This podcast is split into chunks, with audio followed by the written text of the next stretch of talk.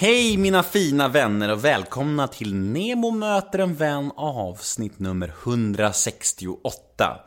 Denna vecka gästas jag av Jan Guillou, men först vill jag prata lite om den stundande livepodden. Mm.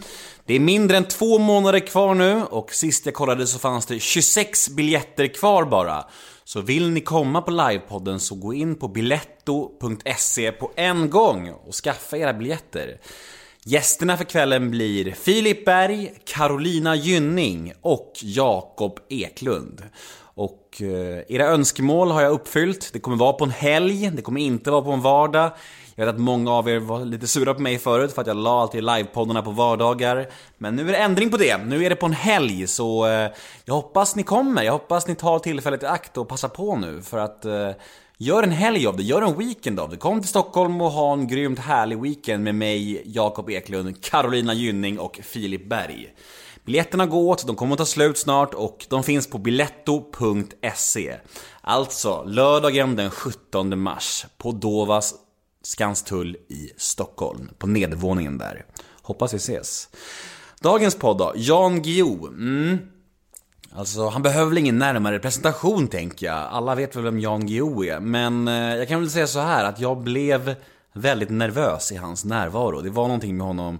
Han har en sån enorm pondus och han är så kunnig och man vill inte göra bort sig kring Jan Guillou. Så kände jag lite grann och jag hoppas inte det förstörde intervjun på något sätt. Eh, det var lärorikt, det var intressant, det var spännande och eh, lite pirrigt. Men jag hoppas det kan bli ett, eh, att det, att det blev ett bra samtal ändå. Eh, det får ni avgöra, men ja, jag tror det i alla fall. Jag heter Nemo Idén på Twitter och Instagram. Hashtaggen är NEMOMÖTER. Gå gärna in på Facebook och gilla oss där. Nemo möter en vän heter vi där. Har du några frågor eller önskemål gällande podden eller vad som helst, skicka dem till nemohedén gmail.com är ni nyfiken på mina föreläsningar, min podd eller min stundande bok eller något annat av mina projekt så gå in på min hemsida www.nemohedén.se Ja, och podden den presenteras precis som vanligt av Radioplay och klipps av den eminenta Daniel Eggemannen Ekberg. Men nog om mig. Dags för Nemo möter en vän avsnitt nummer 168. Gäst Jan Guillou. Rulla gingen. Nemo är en kändis, den största som vi har. Nu ska han snacka med en kändis och göra honom glad. Yeah! Det är Nemo är en kändis, kändis. den största som vi har. Nu ska han snacka med en kändis och göra honom glad. Yeah! Vi kör igång Nemo möter en vän med Jan Guillou. Ja, Hej Jan. hej. Hur står det till? Jag är lite gammal och trött. Jag har varit på turné, pratat om mig själv. Ska åka, nu ska jag åka ut på landet och vara ensam i tystnaden och skogen och kylan. Och har bara ett prat om mig själv kvar, nämligen nu.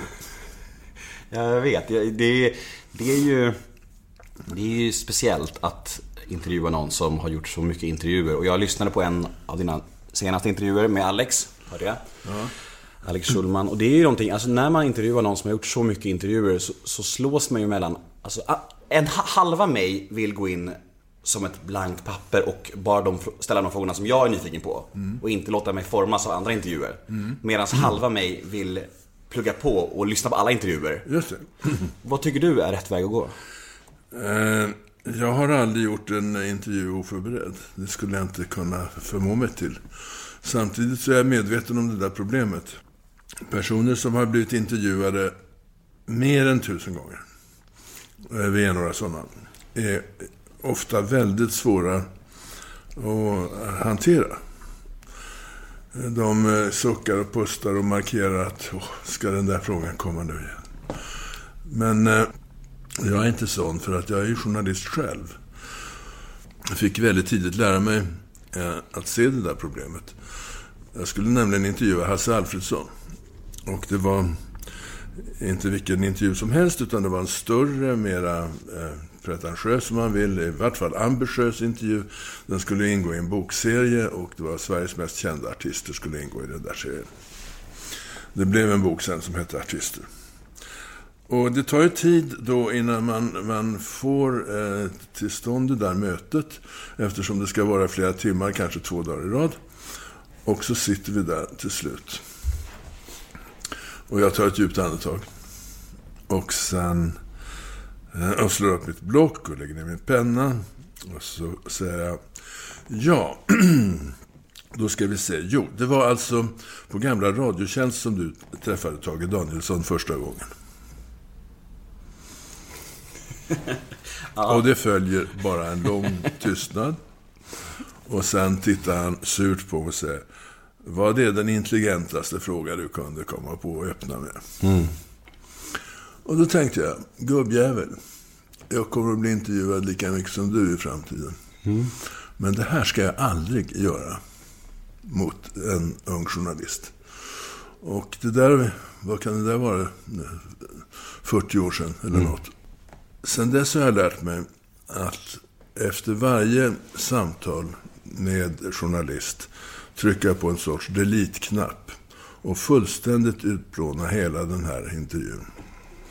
När, det, när jag låser dörren efter dig om en timme eller en och en halv så har jag samtidigt glömt bort allt vi har talat om. Det har tagit lång tid att lära sig det, men jag har drivit eh, det här till perfektion nästan. Och det betyder att jag har aldrig hört en fråga förut. Och Det känns ändå tryggt för mig. Mm, det är meningen. Ja, vad fint. För att det är ju så här. Jag, jag la ju upp din, ditt, en bild på dig på min Instagram och, och bad, här, frågade folk så här, vad, vad är ni nyfikna på liksom? Och många frågor är ju så här klassiska frågor som man säkert kan hitta om dig om man googlar dig så här liksom. Men jag tänker fram till det att det om det är det folk och jag vill, är nyfikna på så är det väl det man kör. Ja. Jag försöker liksom blanda grejer som jag är nyfiken på, mina lyssnare och Det spe, och det spelar ingen roll, jag har aldrig hört en fråga förut. Ja, vad skönt. Vad tryggt det känns. Men det lustiga är att min första Jan, första gången jag hörde ditt namn, då var jag tio år gammal och det var då Ha- Hassan gjorde en sketch om dig. Kommer du ihåg det ens? Nej, verkligen inte. Nej, det är inte din kultur kan jag säga. De gjorde en busringning när de låtsades vara dig och det var första gången jag hörde ditt namn. Jag skulle se om du hade hört den bara. Nej. Du har inte det? Nej. då går vi vidare. Jag är lite nervös, jag märker det. Och det är märkligt för att jag har, jag har gjort 160 avsnitt, ganska länge hållit på med det här. Och ändå, och jag brukar inte vara nervös. Men det är någonting med dig som gör mig lite nervös. Jag vet inte. Men nu har jag ju förklarat för dig att, att jag är snäll mot yngre kollegor, respektfull och har aldrig hört en fråga förut. Så vad finns det att vara nervös för då? Ja, det är sant. Det är sant. Eh, då kör vi bara på. Men om man ska säga så här, du måste fortfarande kunna lägga värderingar i vad du tycker är roligast och tråkigast att prata om i intervjuer. Vad, Nej.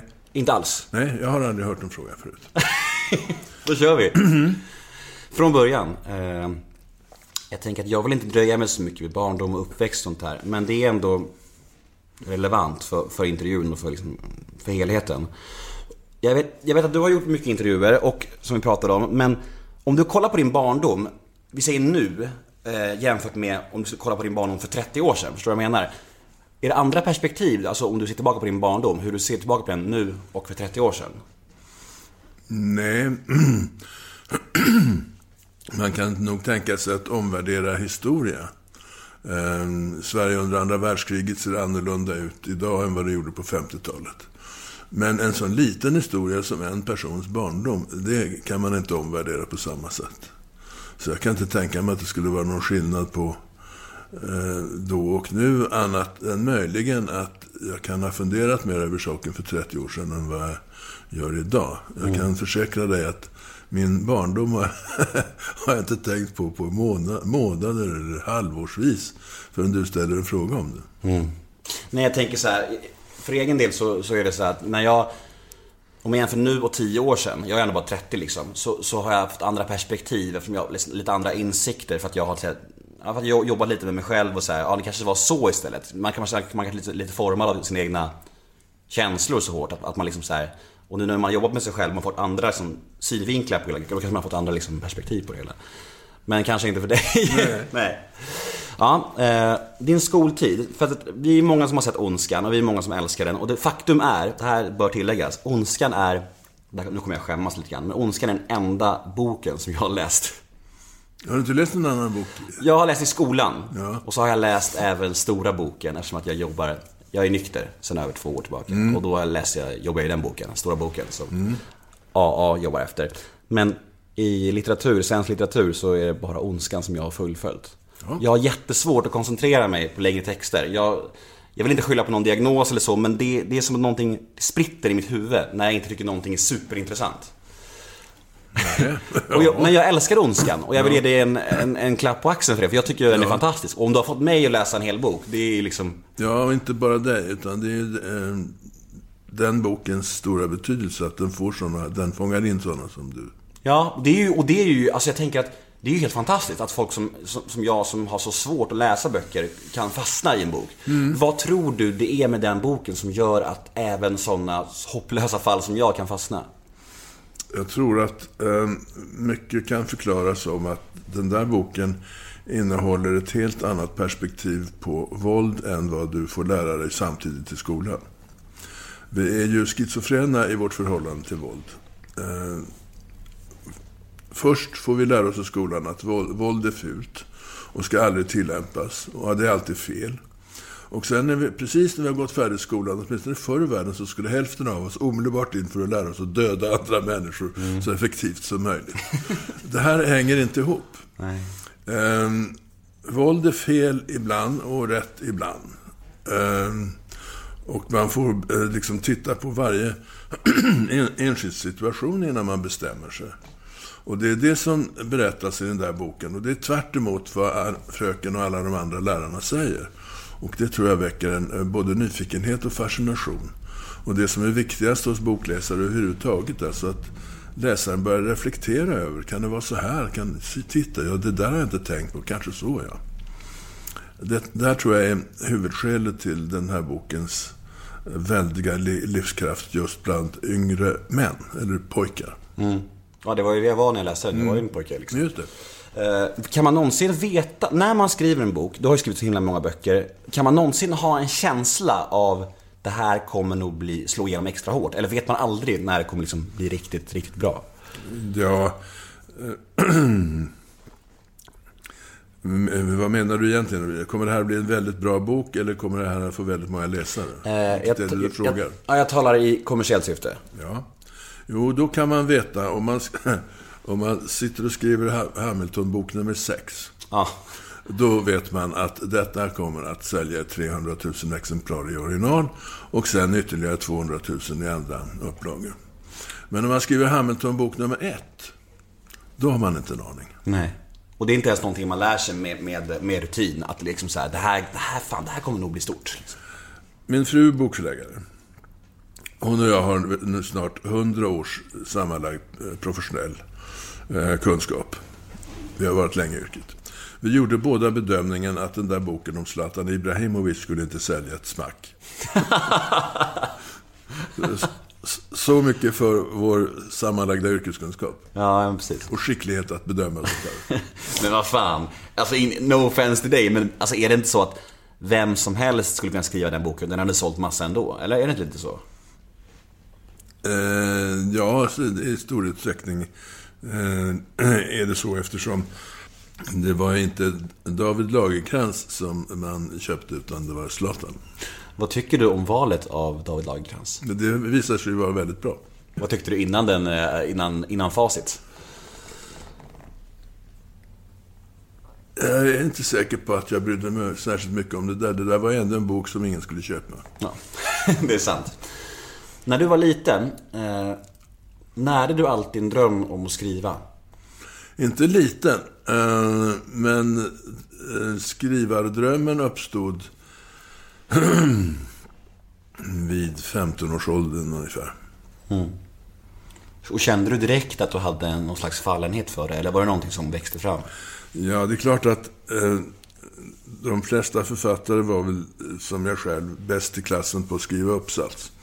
Det kan ge en, en, ett något snedvridet perspektiv på verkligheten eftersom jämförelsematerialet då är 20 personer. Eh, Sen eh, när, eh, när man ska ut och flyga på riktigt, då hamnar man bland tusentals personer som alla var bäst i klassen att skriva uppsats. Så eh, vi har säkert många författare i onödan av det här skälet.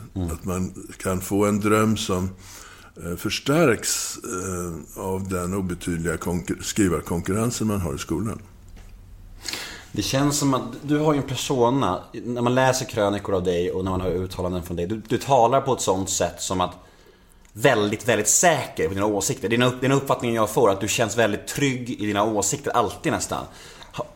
N- när har du fel? Alltså, eh, det, det, är, ingen, det är ingen diss eller någonting. Jag menar, jag menar så här, när, när blir du osäker liksom? Ja, om jag är osäker så är det i vart fall ingenting jag skriver om. Nej. Ehm, och, och, jag skriver bara om sånt som jag, där jag har en, en, en klar, och som jag själv då tycker förstås, välgrundad uppfattning. Det innebär inte att jag alltid har rätt. Ehm, men ehm, det, det ju, skapar ju en sorts trygghet i stilen. Det, sånt som jag är osäker på skriver jag inte om. Men, men jag tänker mer generellt i livet då. När blir du som osäkrast? Ja, det... Det vet jag inte. Jag kan inte riktigt tänka mig en sån situation. Men då, äntligen fick du en fråga som du inte kunde svara på. Ja, ja, det vet jag inte. Jag kanske har fått den förut, fast glömt bort det. Precis. Ja, du kan få fundera på den under, under intervjuns gång. Eh, I skolan då, du säger att du började skriva ungefär när du var 15 år. Din identitet, förutom skrivandet, vem, vem var du i skolan skulle du säga? Mm, jag var en våldsverkare fram till 16 års ålder ungefär. Men då eh, lämnade jag den fruktansvärda internatskolan och ska eh, börja på ett gymnasium i Stockholm. Och på tåget eh, från Stjärnhov, som är närmsta station till Solbacka, så går jag in på toaletten och kammar bort min Elvisvåg.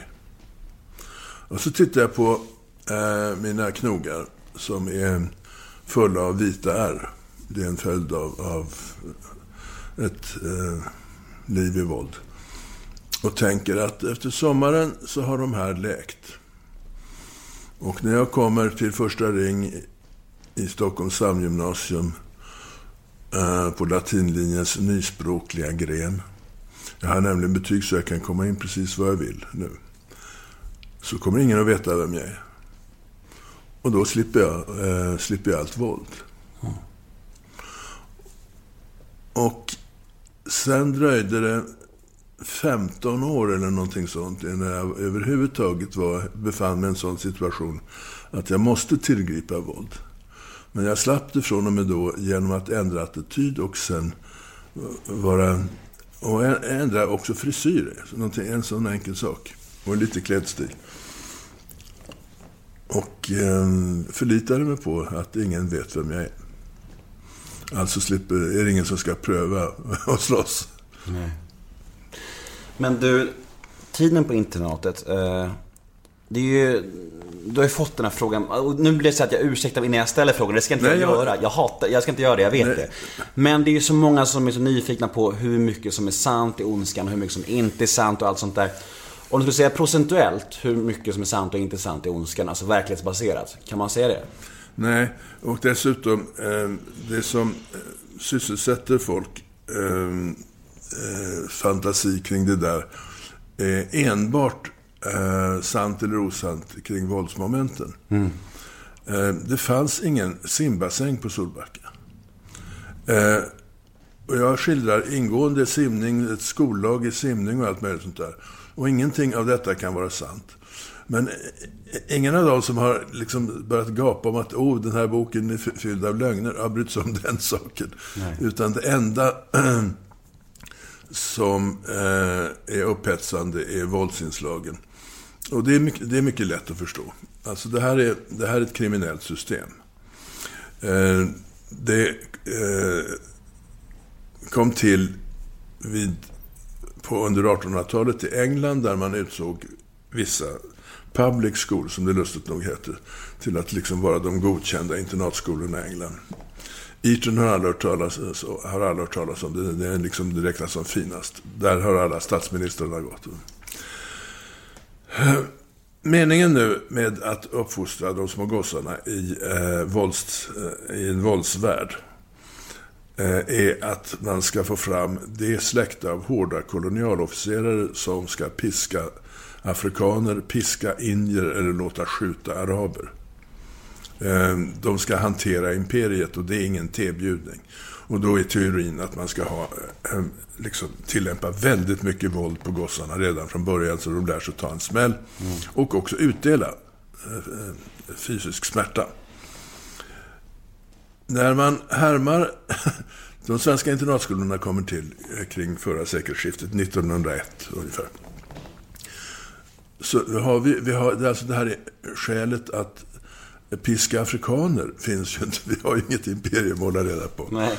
Uh, och det var länge sedan vi hade kolonier. Uh, uh, vi har för, där, för närvarande har vi bara Norge och piskning är inte aktuell där. Så då blir systemet en, en anomali. Alltså det, det hör inte hemma i vår svenska kulturvärld. Så det blir väldigt konstigt. Men i Sverige som i England så går det att upprätthålla ett sådant system. Därför att de som är små och får stryk tänker att jag blir också fjärde ringare en dag och får den här hand och halsrätten. Och då jävlar. Och tänk dig nu följande situation. Här ligger tonårsdottern och läser Ondskan, berättelsen om Solbacka. Och så går hon in till pappa som hon vet gick på Solbacka. Och så frågar hon, pappa var det så här? Nu har vi två möjligheter. Pappa var en sån som eh, fick stryk hela tiden.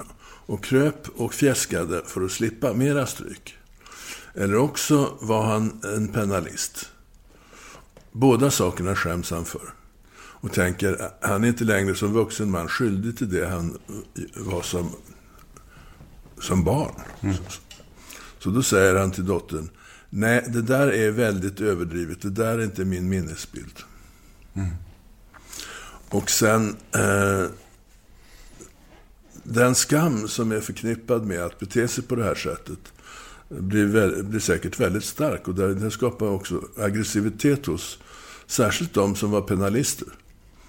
Eh, de som var, tillhörde den andra kategorin som fick stryk, eller gick där bara som jag, eh, realskolan ut, så att man aldrig fick rätten att slå andra. Eh, de brukar hålla med mig i hemlighet, men de som har gapat mest i tidningar och osant och, och ljug och sånt där, de talar enbart om de här våldsmomenten och glömmer bort allt om simbassäng och sånt som ju överhuvudtaget inte fanns där. Så att det, våld har ju den eh, egenheten att det tilltalar vårt känsloliv väldigt starkt. Det är också därför den här boken eh, påverkar unga människor så mycket. Mm. Hur många exemplar har boken sålt i? Eh, en miljon plus och sen har jag ingen aning om vad som har hänt därefter. Grattis! Eller kan man säga så? Ja, tack. Fantastiskt. Ja, är, det, är det det mest sålda? Ja, det måste det vara. Jag har två böcker över en miljon, men den här måste vara måste vara eh, den mest sålda, ja. Fan vad mäktigt. Eh, vad tyckte du om filmatiseringen? Eh, ovanligt bra för att vara filmatisering av eh, en, en bok. Ehm, ehm, fyra eh, plus tycker jag var ett rättvist betyg. Eh, vi hade en diskussion, jag och filmmakarna, på slutet. För att det här är en film som jag verkligen la mig i. Mm. Som, som upphovsman. Mikael Hovström, va? Som är regisserare. Ja. ja. Mm. Uh, ja, och, och, andra filmmakare hade en diskussion på slutet ungefär så här att det här är en fyra plus-film. Skillnaden mellan 4 och 5 plus är följande. Ni framställer den här Erik som enbart och okomplicerat god. Han har alltid rätt i filmen. Så är det inte i boken. Eh, och det, skapar en spänning, en osäkerhet. Ibland eh, ska vi med, med all rätt hålla på honom och ibland inte. Mm. Och ibland vet det fan. Eh, får ni in den komplikationen här, då har vi gjort en femgetingars. Ja, sa de. Du har alldeles rätt. Eh, Det är skillnad mellan 4 och 5 plus, eller getingar. Men det är också skillnad mellan en stor och en liten biopublik. Jaha, du menar att biopublik vill ha... Du vill inte ha osympatiska eh, huvudpersoner eller hjältar. De vill ha någon att hålla på liksom. Ja. Som man älskar. O- okomplicerat, ja. Som Stålmannen. Ja. ja, men jag tänker att det är... Det Och eh, vi, det, det är en intressant tanke. Jag vet ju inte om det verkligen är så. Men, och vi kommer ju aldrig kunna pröva det. Men, men det var ju en intressant tanke. Ja, verkligen. Den biofilmen gick ju också hysteriskt bra. Ja. Ja, så att uppenbarligen gjorde de någonting rätt. Jo, nej men alltså det, det är klart att eh, eftersom det är kanske Sveriges mest lästa roman eh, någonsin så, så finns det ju också en stor publik där ute som har läst romanen och undrar hur, hur filmen blir. Ja, men det är ju som Zlatan-boken. Den ska ju bli film nu och den kommer ju, den kommer ses av många oavsett liksom. Ja.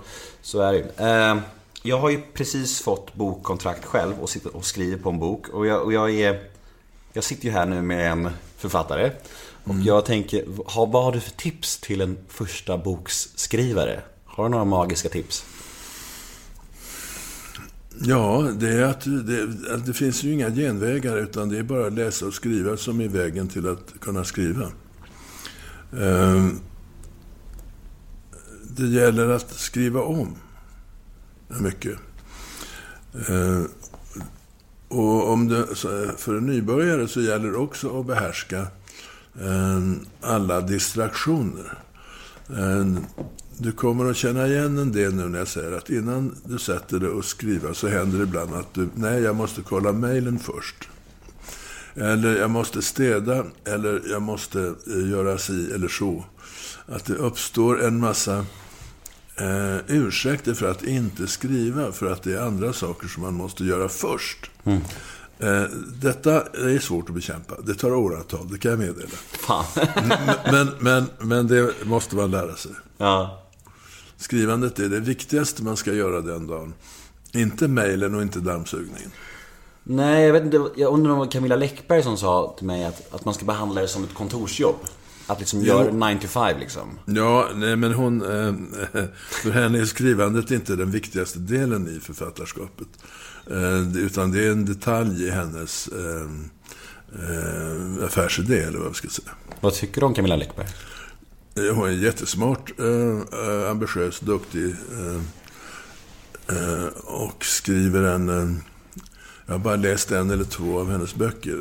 Sen tror jag att jag kan drillen. Eh, det är ju eh, en litteratur som inte skulle ha sålt, tror jag, om hon inte hade kombinerat den med ett fantastisk, en fantastisk PR-verksamhet.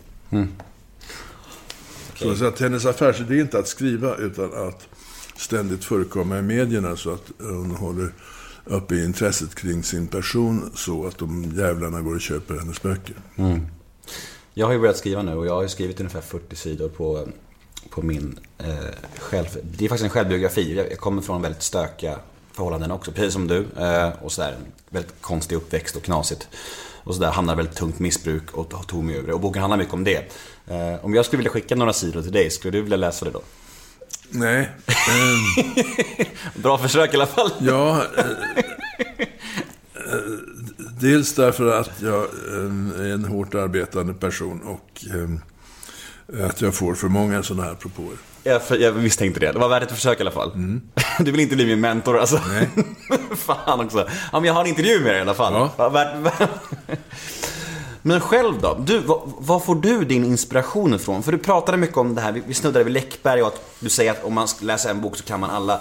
Hur, hur får du själv det, alltså, att, att, att liksom ständigt utvecklas och skriva nytt? Hur, hur hittar man dit? skulle jag säga? Alltså, att inte upprepa sig själv. Det handlar ju om ämnesvalet, men det är, ämnesvalet i sin tur är beroende av ideologi. Ehm, eh, 1968, som faktiskt är titeln på min senaste bok, så var jag 24 år. Och måste ompröva mitt förhållande till skrivningen i grunden. Ehm, allt jag hoppas, trott, tänkt, eh, dagdrömt om eh, var fel. Eh, jag hade utbildat mig till ett ungt litterärt geni av fransk typ. Där det gällde att liksom de här gökarna i akademin som höll på kring tidningen Kris få så få läsare som möjligt. Jag var väl medveten om att den författare som har många läsare är en usel författare, en som Camilla Läckberg, eller på den tiden skulle man ha jämfört sig med Sigge Stark eller Olle Hedberg. Och detta ska undvikas till varje pris. Så under då sju års tid, eh, från gymnasiet och framåt, eller ännu tidigare egentligen, så hade jag då utvecklat konsten att skriva oläsligt och, o, eh, och obegripligt. Och nu är det 1968. Vi har tre fascistiska militärdiktaturer bara i Europa. En av dem, Portugal, bedriver eh, tre samtida kolonialkrig i, i Afrika. Södra Afrika behärskas av apartheidsystemet. Och Vietnamkriget är faktiskt på TV varje kväll.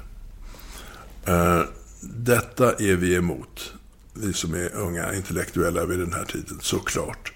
Vi är inte färgade av kalla kriget som generationen innan, så att vi tror att man måste vara för det bara för att USA är inblandad. Eller bara för att kapitalismen står på ena sidan eller någonting sånt. Eh, vi är fullständigt oförstående till eh, generationen Tage Erlander som menar att om ni är emot Vietnamkriget så är ni kommunister. Då säger vi, okej okay, gubbjävlar, i så fall. Om det krävs att vara kommunist för att vara mot ett folkmord, då är vi det. Eh, Eh, båda parter hade då fel, men det beror på stämningarna i kalla kriget. Folkmord kan man, det räcker med att vara kristdemokrat för att vara emot massmord såklart. Men så, så kändes det inte under kalla kriget. Okej, okay, här sitter jag eh, och är eh, ungt litterärt geni av fransk typ och ska skriva obegripligt.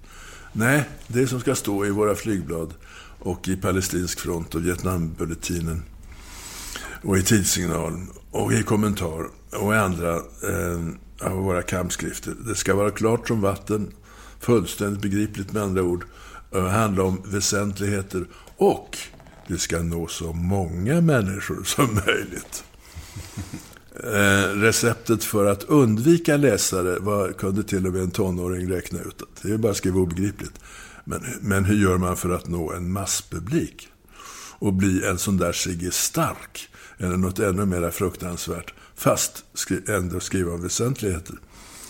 Ehm, det, det, var inte eh, lika lätt att hitta den vägen in i den tekniken. Det tog 16 år och sånt, men sen hittade jag receptet. Sen lossnade det. Mm.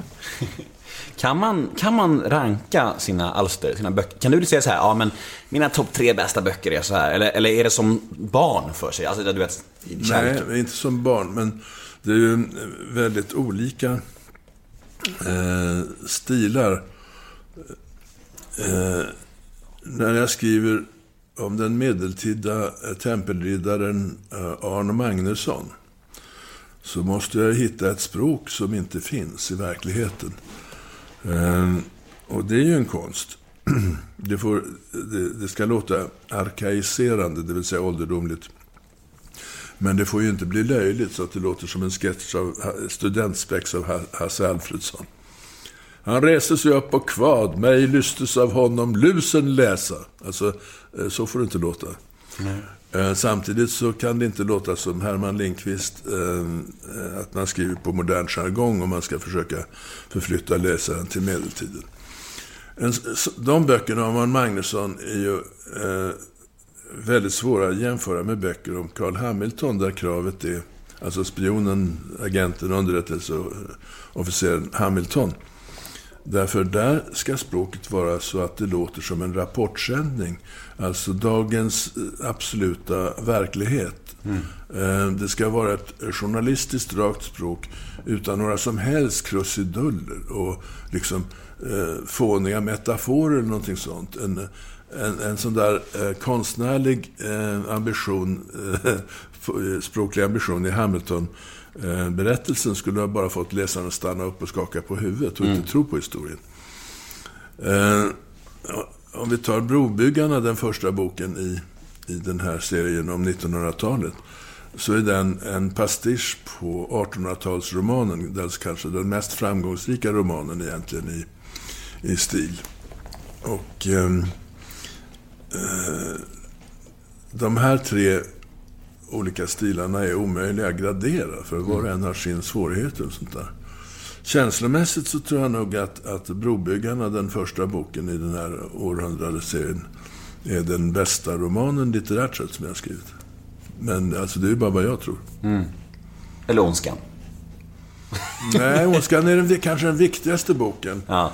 Eh, därför att den, eh, den fick den här eh, oväntade pedagogiska effekten på unga pojkar som tror att bokläsning är bara till för homosexuella och tjejer. Eh, så då, på det sättet är den ju oerhört viktig.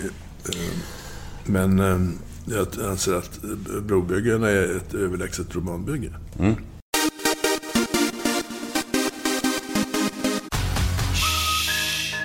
Min proffssäljare Jerry på Woody Bygghandel pratar hela tiden om fönster med aluminiumklädd utsida, olika glastyper beroende på funktion, energiberäkning och U-värden. Han kan verkligen allt.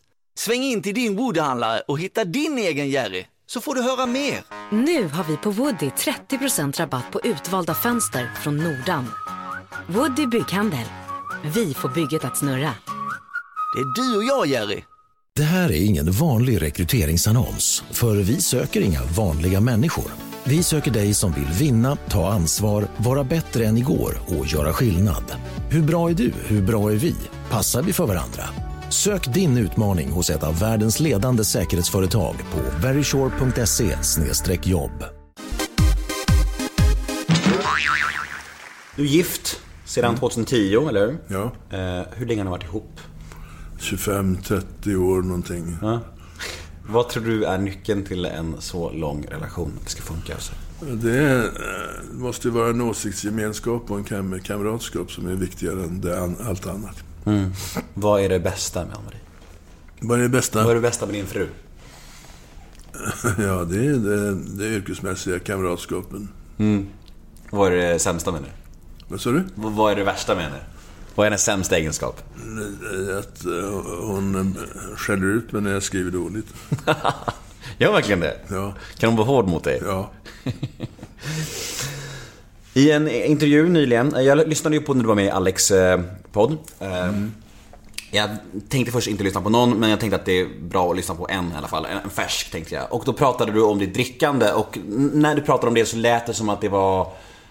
Det lät som att det var nära ett beroendebeteende. Men har du någonsin reflekterat över ditt drickande som problematiskt? Eller har det alltid bara varit en del av din liksom, image och för, dig? Så här? Nej, det är klart jag har reflekterat över det. Eh, om, eh, om jag läser eh, sådana där kvällstidningstips, eh, tipsa, eh, liksom testa dig själv, eh, är du risken för att bli alkoholist och sånt där, så, så hamnar jag ju på svart i stort sett. Eh, och vilket skapar, har skapat en viss misstro då eh, gentemot eh, mina journalistkollegor i det avseendet. Eh, samtidigt så är jag utan tvekan storkonsument stor konsument av alkohol. Men inte eh, alkoholist i den medicinska meningen eftersom jag eh, aldrig har reflekterat över återställare och sånt där. Aldrig dricker i dagsljus nästan. Um, och, och kan um, ha en vit vecka då och då utan några särskilda eh, bekymmer. Men eh, när jag, för några år sedan när jag gick på sån där läkarkontroll, upphetsad av eh, eh journalisterna, och de sa ånyo att eh, levern är perfekt. Så tänkte jag att alltså, antingen ljuger alla mina journalistkompisar eller också ljuger läkarvetenskapen. Det här är inte möjligt.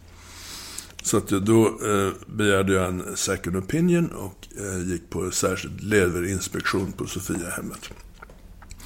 Och det konstateras då att eh, trots att jag är storkonsument av alkohol så har jag en donationslever. Ehm, och läkarens kommentar är ganska rolig då. Det var en jävla tur att den här levern inte hamnade i en nykterist. Vilket slöseri hade det inte varit. Precis. Och då tog jag upp här, den här frågan. Hur kan det vara sånt avstånd mellan min verklighet och den som, som eh, skildras i alkoholjournalistiken? Och han sa att det finns en faktor som journalistkollegorna inte kan ta med och de är de ärftliga egenskaperna. Eh, det är biologi, eh, och biologisk slump. som jag sa, det är en tur att den här levern inte hamnar i en nykterist. Ja, för liksom, det handlar mycket om biologi, det handlar mycket om genetik. Det har jag märkt. Jag har ju ärvt min eh, missbrukspersonlighet av min pappa väldigt, väldigt tydligt. Det, ja, det finns ju en ärftlig faktor, det tycks vara klart att det är så. Och jag har liksom, när jag dricker till exempel, då har jag ett väldigt, väldigt starkt merbegär. Jag har lite svårt att sluta. Och, och jag tänker att om man, om man har kontroll och tar två, två whisky och sen slutar, då är det så här, Ja men då har man väl inte alkoholismen i sig. Jag personligen har försökt liksom tusen gånger att dricka normalt, men det har alltid blivit att jag, att jag dricker tills jag stupar liksom. Och då kanske det är bättre att låta bli. Ja, det låter klokt. Ja. Eh, jo, droger.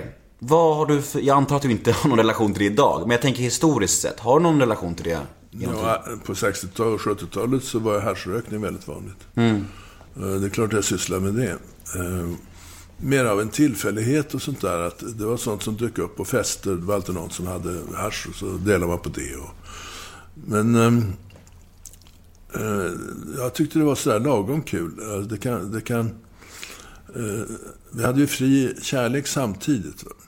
Och eh, hasch Fri kärlek. Sådana bra uttryck alltså, Ja, fri kärlek. Ja, fri, fri kärlek och hasch kan vara en väldigt spännande kombination. Mm. Vad betyder fri kärlek? Ja, att eh, man, alla får i stort sett ligga med alla. Ja. Man frågar artigt först. Alltså, det får man inte det bete sig eh, ogentlemannamässigt i de sammanhangen. Ens på den tiden. Men eh, 60 och 70-talets förhållande till sex var ju vä- dels rebelliskt. Eftersom eh, vi gjorde uppror mot en, en mera pryd eh, tillvaro tidigare. Och eh, dels bekymmerslös på det sättet att eh, vad man på sin höjd kunde bekymra sig över som riskmoment var flatlös och eh, någon enklare eh, klamydia eller någonting. Och, och, eh, flatlös behandlas på eh, ett dygn. Eh, och klamydia på två eller tre i stort sett. Det, värre än så var det inte.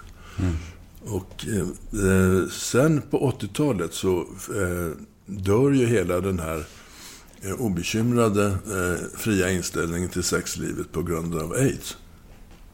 Men som sagt, det var roligt på det, så länge det var Ja, du, du är 70, 73 va? Hur? Ja. Lite research har jag gjort minsann. Ja. Eh, har du någon åldersnoja? Tänker du på sånt ens? Ja. Hur, hur, vad är din relation till ditt åldrande? Vad, vad, vad händer i ditt huvud när du tänker på det? Ja, det, ja, det fysiska förfallet blir högst eh, eh, påtagligt. Eh, eh, jag har haft en, en eh, väldigt god fysik i större delen av mitt liv och nu håller den på att förfalla. Jag får svårt med balansen. Jag kan inte gå ner för en trappa utan att hålla med en ledstång. Jag bör undvika att klättra upp i äppelträd. Fyra eh, personer i min ålder, jag antar att jag är i genomsnittsålder där, dör varje dag i Sverige på grund av fall. Oj, shit. Visste inte det. Fyra, fyra varje dag. Det är alltså eh, en bit över tusen, eh, eh, 1200 människor eh, dör i Sverige på grund av att de ramlar omkull eller ramlar ner för stegar eller halkar på isiga vägar. Ehm, Men det är, en, eh, det är en skamlig död i skymundan som inte innehåller någon särskild politisk dramatik. Så att fem terroristmördade personer väger upp hundratusen gamla människor som har ramlat omkull ungefär i journalistisk betydelse. Och ändå envisas du med att bära tunga lådor med vin. Jag mötte ju dig här ute i porten där Ja. du konkade en tung låda och du frustade och stånkade. Ja, jo. Eh, Är det svårt att acceptera att det kanske är, alltså att det blir svårare att bära? Eller så här, eller? Nej, styrkan har jag inte så st- stora bekymmer med, utan det är mest eh, balansen. Och en stelhet i kroppen. Alltså att eh, knyta skorna var ju nå- någonting som man inte tänkte på som en ansträngning förr i världen. Eh, men, men plötsligt så blir det stånk och pust av den saken. Och det... är, eh, ja, Alltså det, ett stort bekymmer där har ju varit att min passion för jakt i Afrika eh, hamnar då eh, i ett besvärligt läge. Därför att det om man jagar i Afrika så ska man på väl, de flesta, nästan de flesta ställen kunna vända sig om, snurra runt eh, 180 grader och skjuta eh, perfekt utan att tveka på den anfallande buffen. Och då får man inte ramla omkull. Eh, och om man inte kan det, så ja, då får man hoppas att den professionella jägare man har med löser problemet. Men är man två så ökar överlevnadschansen eh, med eh, 100 procent skulle jag säga. Och eh, när jag inte kan göra är säkert, är säker på att jag kan göra det där så blir det omoraliskt och, och eh, oansvarigt och, ja, att jaga i Afrika. Så att, jag måste sluta med det, men senast nu så var jag i Uganda och jagade på små speciella antiloper som bara finns i Uganda. Eh, I områden där det inte fanns buffel. Och eh, jag har också hittat ett ställe nu i södra Etiopien dit jag ska åka nästa år. Eh, där det heller inte finns buffel. Ja, man får ju forma det så att det passar liksom. Ja, Ja. Men döden då? Tänker du på det? Är du rädd för döden? Nej, inte särskilt. Ehm, jag vill ju gärna hinna med tre böcker till. Det vore ju förargligt i den här århundradeserien så att jag verkligen har gjort hela 1900-talet. Det är ingen som har gjort. Ja, Ken Follett har gjort det, men det blev inte så bra i hans fall. Ehm, och ehm, det vore ju förargligt att dö innan det var klart. Jag älskar ordvalet, förargligt. Ja. Precis. Ja. Så du, du har liksom ingen dödsångest? Så. Nej. Nej, skönt. Vad får du ångest av? Alltså överlag i livet? När får liksom Jan Guillou ångest? Det får jag inte. Aldrig? Nej, vad skulle det vara? Nej, jag, jag har ingen aning. Därför jag frågar. Jag tänker kanske, det kan, kan vara kanske, jag vet inte, prestationsångest eller jag vet inte, vad som helst. Har du liksom så här... Kanske när du bråkar med dina barn? Jag har ingen aning, jag frågar. Nej. Nej. Ångestbefriad? Ja, Vad skönt. ja. Jag antar det. Eh, Det är inget jag grubblar över. Nej, vad skönt. Vilken tror du är den största missuppfattningen om dig? Att jag är någon sorts elak person eller, eller um, taskig mot journalister eller snorkig eller högfärdig och sånt där. Det, det finns ju mängder av uppfattningar om mig, har jag förstått. Eh, och eh, det jag stöter på på nätet nu, det, det är ju näthat. Det var ju någonting som inte fanns förut. Men det, men det, eller fanns, det var i vart fall ingenting som märktes. Eh, då kunde inte alla idioter formulera sig offentligt eh, och publicera sig offentligt som de kan idag. Det, men det tolkar jag ju som politik. Alltså det är ju Sverigedemokrater som hatar mig eftersom jag hatar Sverigedemokrater. Det är ju rätt rimligt. Eh, och det, mängden i eh, sådana här hatmejl som väl, väller in är förskräckande. Men samtidigt så är det ju så att eh, argumentationen är väldigt begränsad. Eh, Sverigedemokraterna har tre, fyra synpunkter på mig som hela tiden återkommer. Och det har att göra med att jag är för gammal och för fet, för ful och för dum.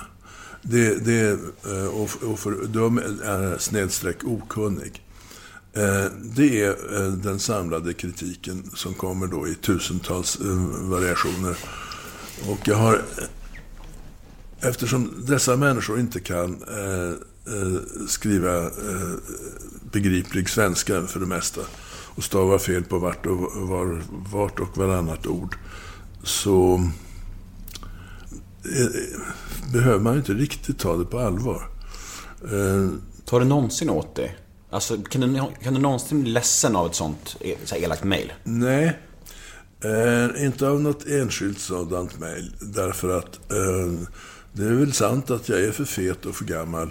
Eh, möjligen för ful också numera. Eh, det är inte mycket att, att göra åt den saken. Eh, men var och en som sitter och, eh, yngre då än jag själv, får jag förmoda, som sitter och skriver eh, det kommer inte själv att vid 73 års ålder ha 48 böcker bakom sig.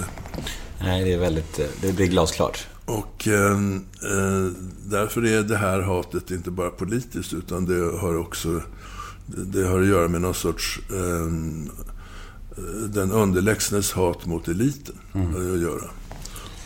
Men, men eh, okej, du tar inte åt dig av elaka mejl och så här. Men kan du, kritik och så överlag, om du får en dålig recension eller så här.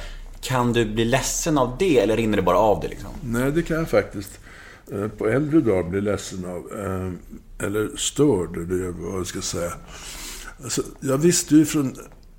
Eh, I, I samma epok som jag bestämmer mig för att sluta vara litterärt geni av fransk typ och istället ska söka mig till en metod att skriva för massorna, som man sa då. Eh, avsikten är att jag ska bli den mest lästa författaren någonsin i Sverige, det projektet. Eh, Hur går det då? det gick bra. eh, det, blev, det blev jag. Ja. Grattis igen! Tack. Eh, Men jag visste ju från början att därav följer då eh, hela litteraturvärldens förakt. Jag stod ju själv där som tonåring och hatade, eller hatade, föraktade storsäljande författare. Och nu, och jag gick med öppna ögon in eh, och gjorde det här valet. Och, och nu är jag ändå kränkt över, över att, att de inte tar min litteratur på allvar, de här eh, medelmåttorna som det är frågan om. Eh, De läser litteraturvetenskap och tror sen, sen på fullständigt allvar att de vet mer om litteratur än vad jag vet. Och det, det, det, det, väldigt, det är mystiskt. Det är ju en sektliknande situation vi har att göra med här. Att, att unga litteraturstudenter eller doktorander tror sig besitta en sorts litteraturens hemligheter som jag inte skulle ha en aning om. Med eh, alltså 50 års erfarenhet, praktisk erfarenhet som ju också innefattar så väldigt mycket litteraturläsning. Ja, det är lite häpnadsväckande faktiskt. Ja, eh, men eh, det- här... Eftersom det var ett val, ett politiskt val från början. Masslitteratur, inte eh, tidskriften Kris, för att ta den absoluta motsatsen. Eh, så när jag nu fick som jag ville, varför då gnälla? Det, det, det, det hänger inte riktigt ihop. Nej, det är sant. Det är sv- svårt att få ha kakan och äta den liksom. Ja, Vad röstar du på? jag röstar inte. Du röstar inte alls? Nej. När röstade du sist? I det franska presidentvalet någon gång på eh, 60-talet Oj, så länge sedan alltså. Ehm, och jag röstade på Mitterrand mot de Gaulle. Därför att Mitterrand var eh, sosse, alltså vänster, och de Gaulle var konservativ. Eh, det var ett misstag. Eh, det var inte fråga om vänster och höger här, utan det är frågan om vem som ska vara republikens president. Det är någonting annat. Eh, de Gaulle var den som faktiskt avslutade Algerietkriget. Och det kunde han göra för att han var general, han var krigshjälte från andra världskriget och han var höger. Mitterrand hade inte kunnat göra det på samma sätt. Så att jag röstade fel. Du, där där kommer det. Nu har han erkänt ett fel. Du har inte alltid rätt.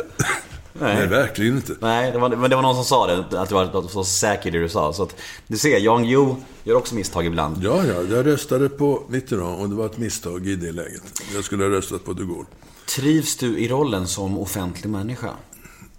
Det vet jag inte för att jag har varit i, i 40-50 år. Eh, inte 50, 40. Eh, och eh, det är det naturliga tillståndet. Mm, du, du tänker inte ens på när folk kollar på det så här. Nej.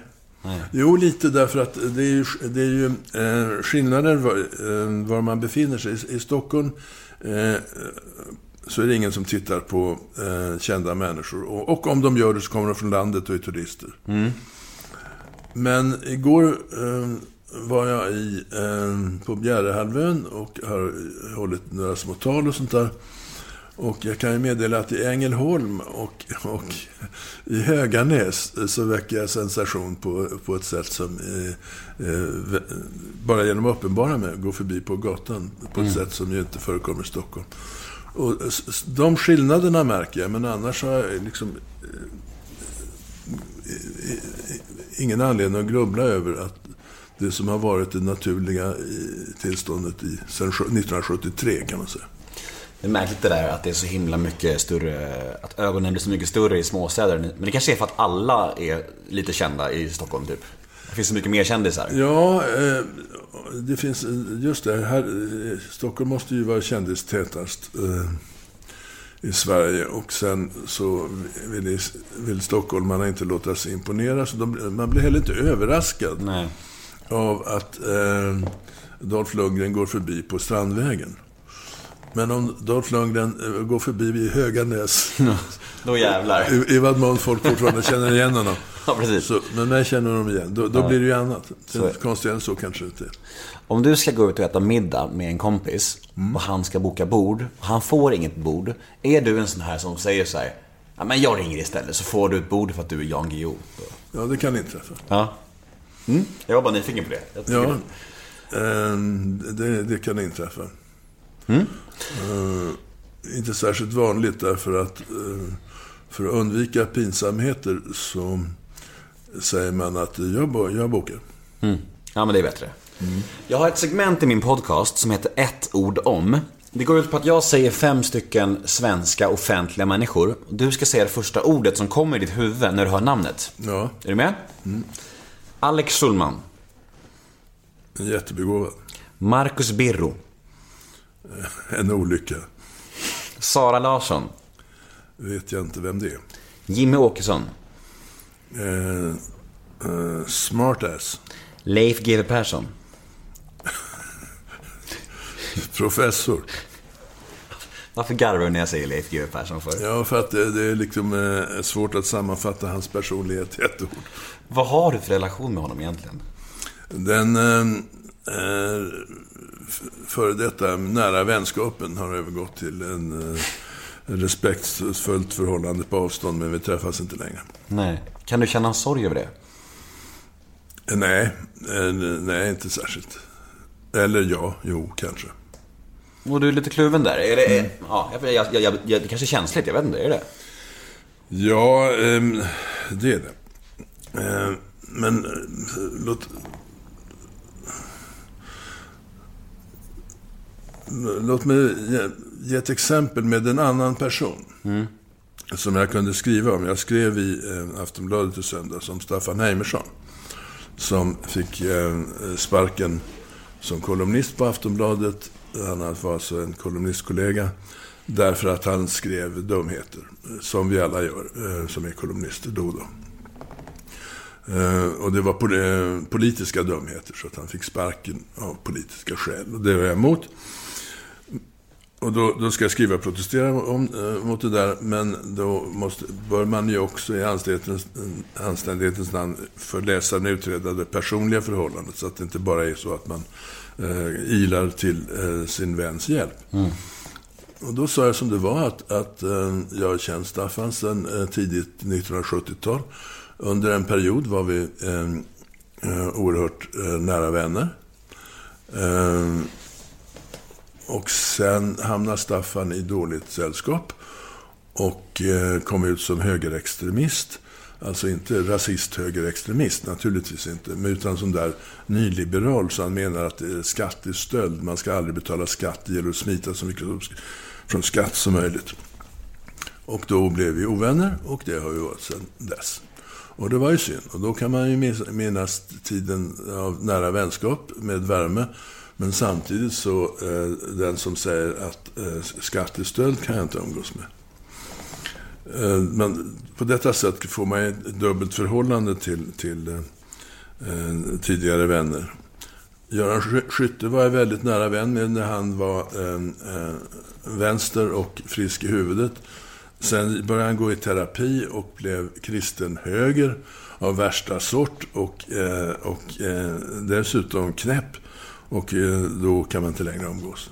Sånt där händer. Förstår. Vi har lite brev här. Lite brev? Ja, det är inte precis att jag, jag, jag har inte fått fysisk post. Mail är det snarare. Hej Jan. Är du ekonomiskt oberoende? Ja. Hur länge har du varit det? Sen eh, någon gång på 1980-talet. Grattis igen. tack. eh, veckans brev nummer två. Vad tycker du om övriga grabbarna på Fagerhult? Har du kontakt med dem? Och vem dödade Palme? Det var fler frågor än där. Ja, eh, det, det, finns bara en eh, rimlig misstänkt i, när det gäller Palmemordet och det är Christer Pettersson. Man ska ha klart för sig att, att eh, bevisningen mot honom räckte för eh, en rättegång med fällande dom, en rättegång med friande dom eh, Eh, och sen att åklageriet faktiskt försökte ta upp målet igen i förhoppning att få någon fälld. Eh, man kan eh, då konstatera att det där räckte tydligen inte för att få Christer Pettersson fälld. Men det finns ingen annan misstänkt som ens har varit i närheten av att bli häktad. Så det finns inga andra misstankar av värde än de som är mot Christer Pettersson. Problemet med honom är att, att han är en så ospännande mördare. Det är något storståtligt med eh, en, en ledande politiker, mord på en ledande politiker. Och då vill man ha en storståtlig förklaring, inte ett fyllo som impulshandlar på grund av eh, eh att han råkar springa på eh, eh den höga politikern. Kriminologen eh, Leif GW Persson har tyckt precis som jag i alla år. Eh, men deckarförfattaren Leif GW Persson kan rimligtvis inte skriva deckare med Christer Pettersson eh, som mördare. Vem skulle läsa det eller tycka det var spännande? Så deckarförfattaren eh, Leif GW Persson har hittat på en, en otroligt intrikat eh, intrig där det är Säpo som dödar statsministern. Och det är naturligtvis ur deckarsynpunkt bättre. Medan kriminologen Persson skulle hånskratta åt den teorin. Mm. Och Fagerhult, frågan? Eh, per Lorentzon är död. Och eh, Leif GW har ju redan talat om. Ja, då så. Då eh, går vi vidare till nästa, nästa mejl. Jag skulle vilja veta hur mycket han själv minns av handlingen i sina tidigare bokserier. Jag är stort fan av Jan Guillou och mejlade en gång och frågade han om karaktärerna i Hamilton-serien, som jag tyckte försvann lite plötsligt. Göran, som utbildades med Luigi. Då hade, Leif, nej, då hade Jan glömt den karaktären, att den existerade. Så jag undrar om det genomskådande är så, eller om han minns det mesta av det han skrivit i romanform. Ja, det vet jag inte. Ehm, jag är säker på om det fanns 10 000 kronors frågan på, eh, på Hamilton så skulle säkert eh, en och annan 12-årig eh, nörd veta mer om Hamilton och böckerna än vad jag vet. Mm. Så det kan vara så att vissa karaktärer, det är kanske rimligt ja, om man skriver så jävla mycket. Ja, ja. Vad tycker du om dagens vänster inom politiken jämfört med när du var aktiv? Att dagens vänster har det svårare.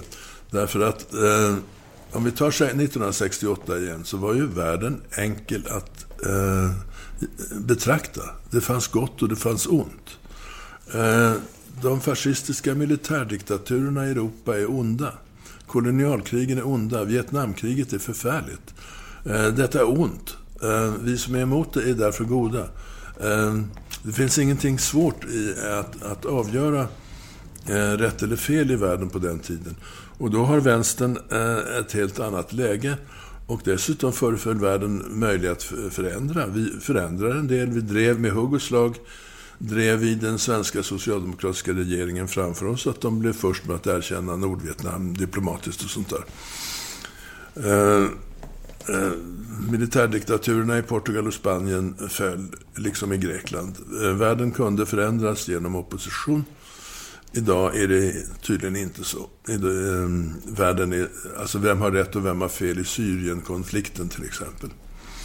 Eh, denna ökade grad av, av, av eh, komplikation, det som ser ut som kapitalismens obetvingliga seger, en, en värld där Donald Trump blir, eh, blir president i USA, Eh, är ju en eh, mardröm. Och att, att då vara eh, vänster eh, blir svårare. Alltså, om vi tar dagens Vänsterpartiet. Så står de politiskt eh, ganska exakt där Socialdemokraterna stod 1968. Eh, Vänsterpartiet är för mig ett socialdemokratiskt parti. Med de vanliga socialdemokratiska kraven. Eh, Medan Socialdemokraterna är ett mittenparti som, som eh, har lämnat alla röda fanor långt bakom sig. Och eh, ändå blir eh, liksom Vänsterpartiet betraktat, inte som sossar, vilket de är, utan som någon sorts eh, historiska kommunister. Eh, de borgerliga partierna eh, säger att eh, i de här överläggningarna så kan vi då inte ha med Sverigedemokraterna eller Vänsterpartiet. Så att de buntar ihop dem som om de vore likvärdiga. Och, så att det, finns en, en antivänsterpsykologi som, som härskar runt om i vårt politiska liv som det inte var på det glada 60-talet när världen var enkel att förstå. Och sista mejlet då. Eh, Hej Jan. Vad tycker du om hela metoo-rörelsen? Är det något du märkt av genom åren i de branscher du verkat i? Nej, det är rätt intressant. Men nu, eh, jag har eh, den är, varit anställd på två redaktioner. Eh, alltså inte Aftonbladet. Det har bara varit eh, utanförstående medarbetare. Eh, Folket i Bild Kulturfront, en, sträng vänsterrörelse. Jag menar, eh, tanken, bara tanken på eh, sexuella trakasserier i det sammanhanget blir skrattretande. Och sen har jag varit på Sveriges Television i Malmö. Och eh, eh, i nästan tio år. Under de tio åren såg jag inte till någon, någon form av eh, sån här sextrakasseri. Eh, Eh, och bedrev framförallt ingenting själv. Vilket inte bara beror på att jag är en ädel person, utan det beror på att jag ju sedan 1973 har varit en, en person som är den kändaste i rummet. Det betyder att alla ser allt som jag gör. Och minsta, eh, liksom sånt där som att kräkas på förlagsfest, eller om jag skulle ha gjort det, då skulle jag få, haft, fått en ryktesflora omkring mig som jag då har eh, undgått av självbevarelsedrift. Sen kom vi till förlagsvärlden, och det är rätt intressant. Jag har varit på, eh, låt säga, 40-50 förlagsfester på eh, Norstedts bokförlag, ett av våra största bokförlag. Och ett 40-tal fest, fester säkert i egen regi på Piratförlaget, där jag är en av värdarna för tillställningen. Och på Norstedtstiden så minns jag en och annan författare som blev för full och kräktes. Och sånt. Men eh, eh sextafsande, nej. Det, det har jag inget minne av. På Piratförlagstiden, det är snart 20 år, så har jag vid ett tillfälle som värd eh, kastat ut och sagt åt eh, några gäster på Skarpen som har betett sig illa mot kvinnor på ungefär det här sättet. Som nu eh, eh är överallt i, i medierna. Då måste man fråga sig, är förlagsvärlden speciell? Eftersom eh, det haglar berättelser från kvällstidningsvärlden. Och jag tror faktiskt att det är så. Förlagsvärlden är dominerad av kvinnor. Det är en viss skillnad om man tänker efter. Ja. Cheferna är kvinnor, förläggarna är kvinnor, redaktörerna är kvinnor. Och gästerna som kommer eh, är författare och journalister. Och de ger sig inte på eh, höga chefer eh, utan vidare. Men visst har all, nästan alla branscher har haft så upprop nu. Har, har författare haft någonting? Vet du det?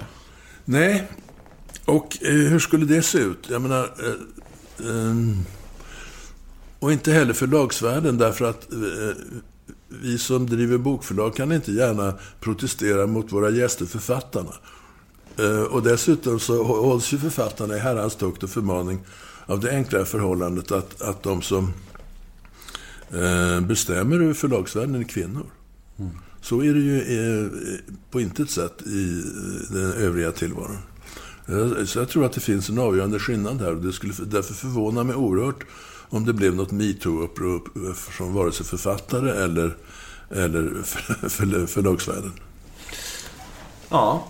That's that. Vi börjar bli klara. Ja, Hur känns det här? Eh, det vet jag inte. Det, om, Om du har gjort tusen intervjuer sa du, mer än tusen. Står jag mig... Är jag i mitten någonstans då? Ja, det, det tror jag säkert. Eh, Men, men, eller bättre än så. Eh, Ett mått är ju alltid om man man eh, kan ha det trevligt.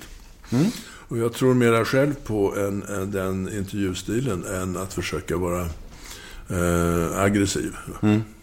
Nej, men jag, jag tänker också det. Jag försöker att ha en god stämning och lite härligt istället för att vara liksom så här snokande och aggressiv och super... Här. Eh, superkul att du vill vara med. Jag tänker framöver nu. Du, har, du sa att du har någonting du vill puffa för. Liksom, något du vill, hur framtiden Har du, något, har du några drömmar kvar? Några mål kvar? Du vill liksom... Ja, jag ska skriva tre böcker till i den här historiska serien. och just gå i mål med det, då har jag gjort något som ingen annan har klarat av. Och eh, bestigit det högsta berget. Och så hugger jag ner flaggan på toppen och, och eh, sen kan jag lägga mig ner och dö. Eller jag, har, jag ser inte ens bortom den, den eh, drömsituationen. Jag önskar dig lycka till med det och vi säger stort tack för att du ville vara med. Tack själv. Hej då! Hej då.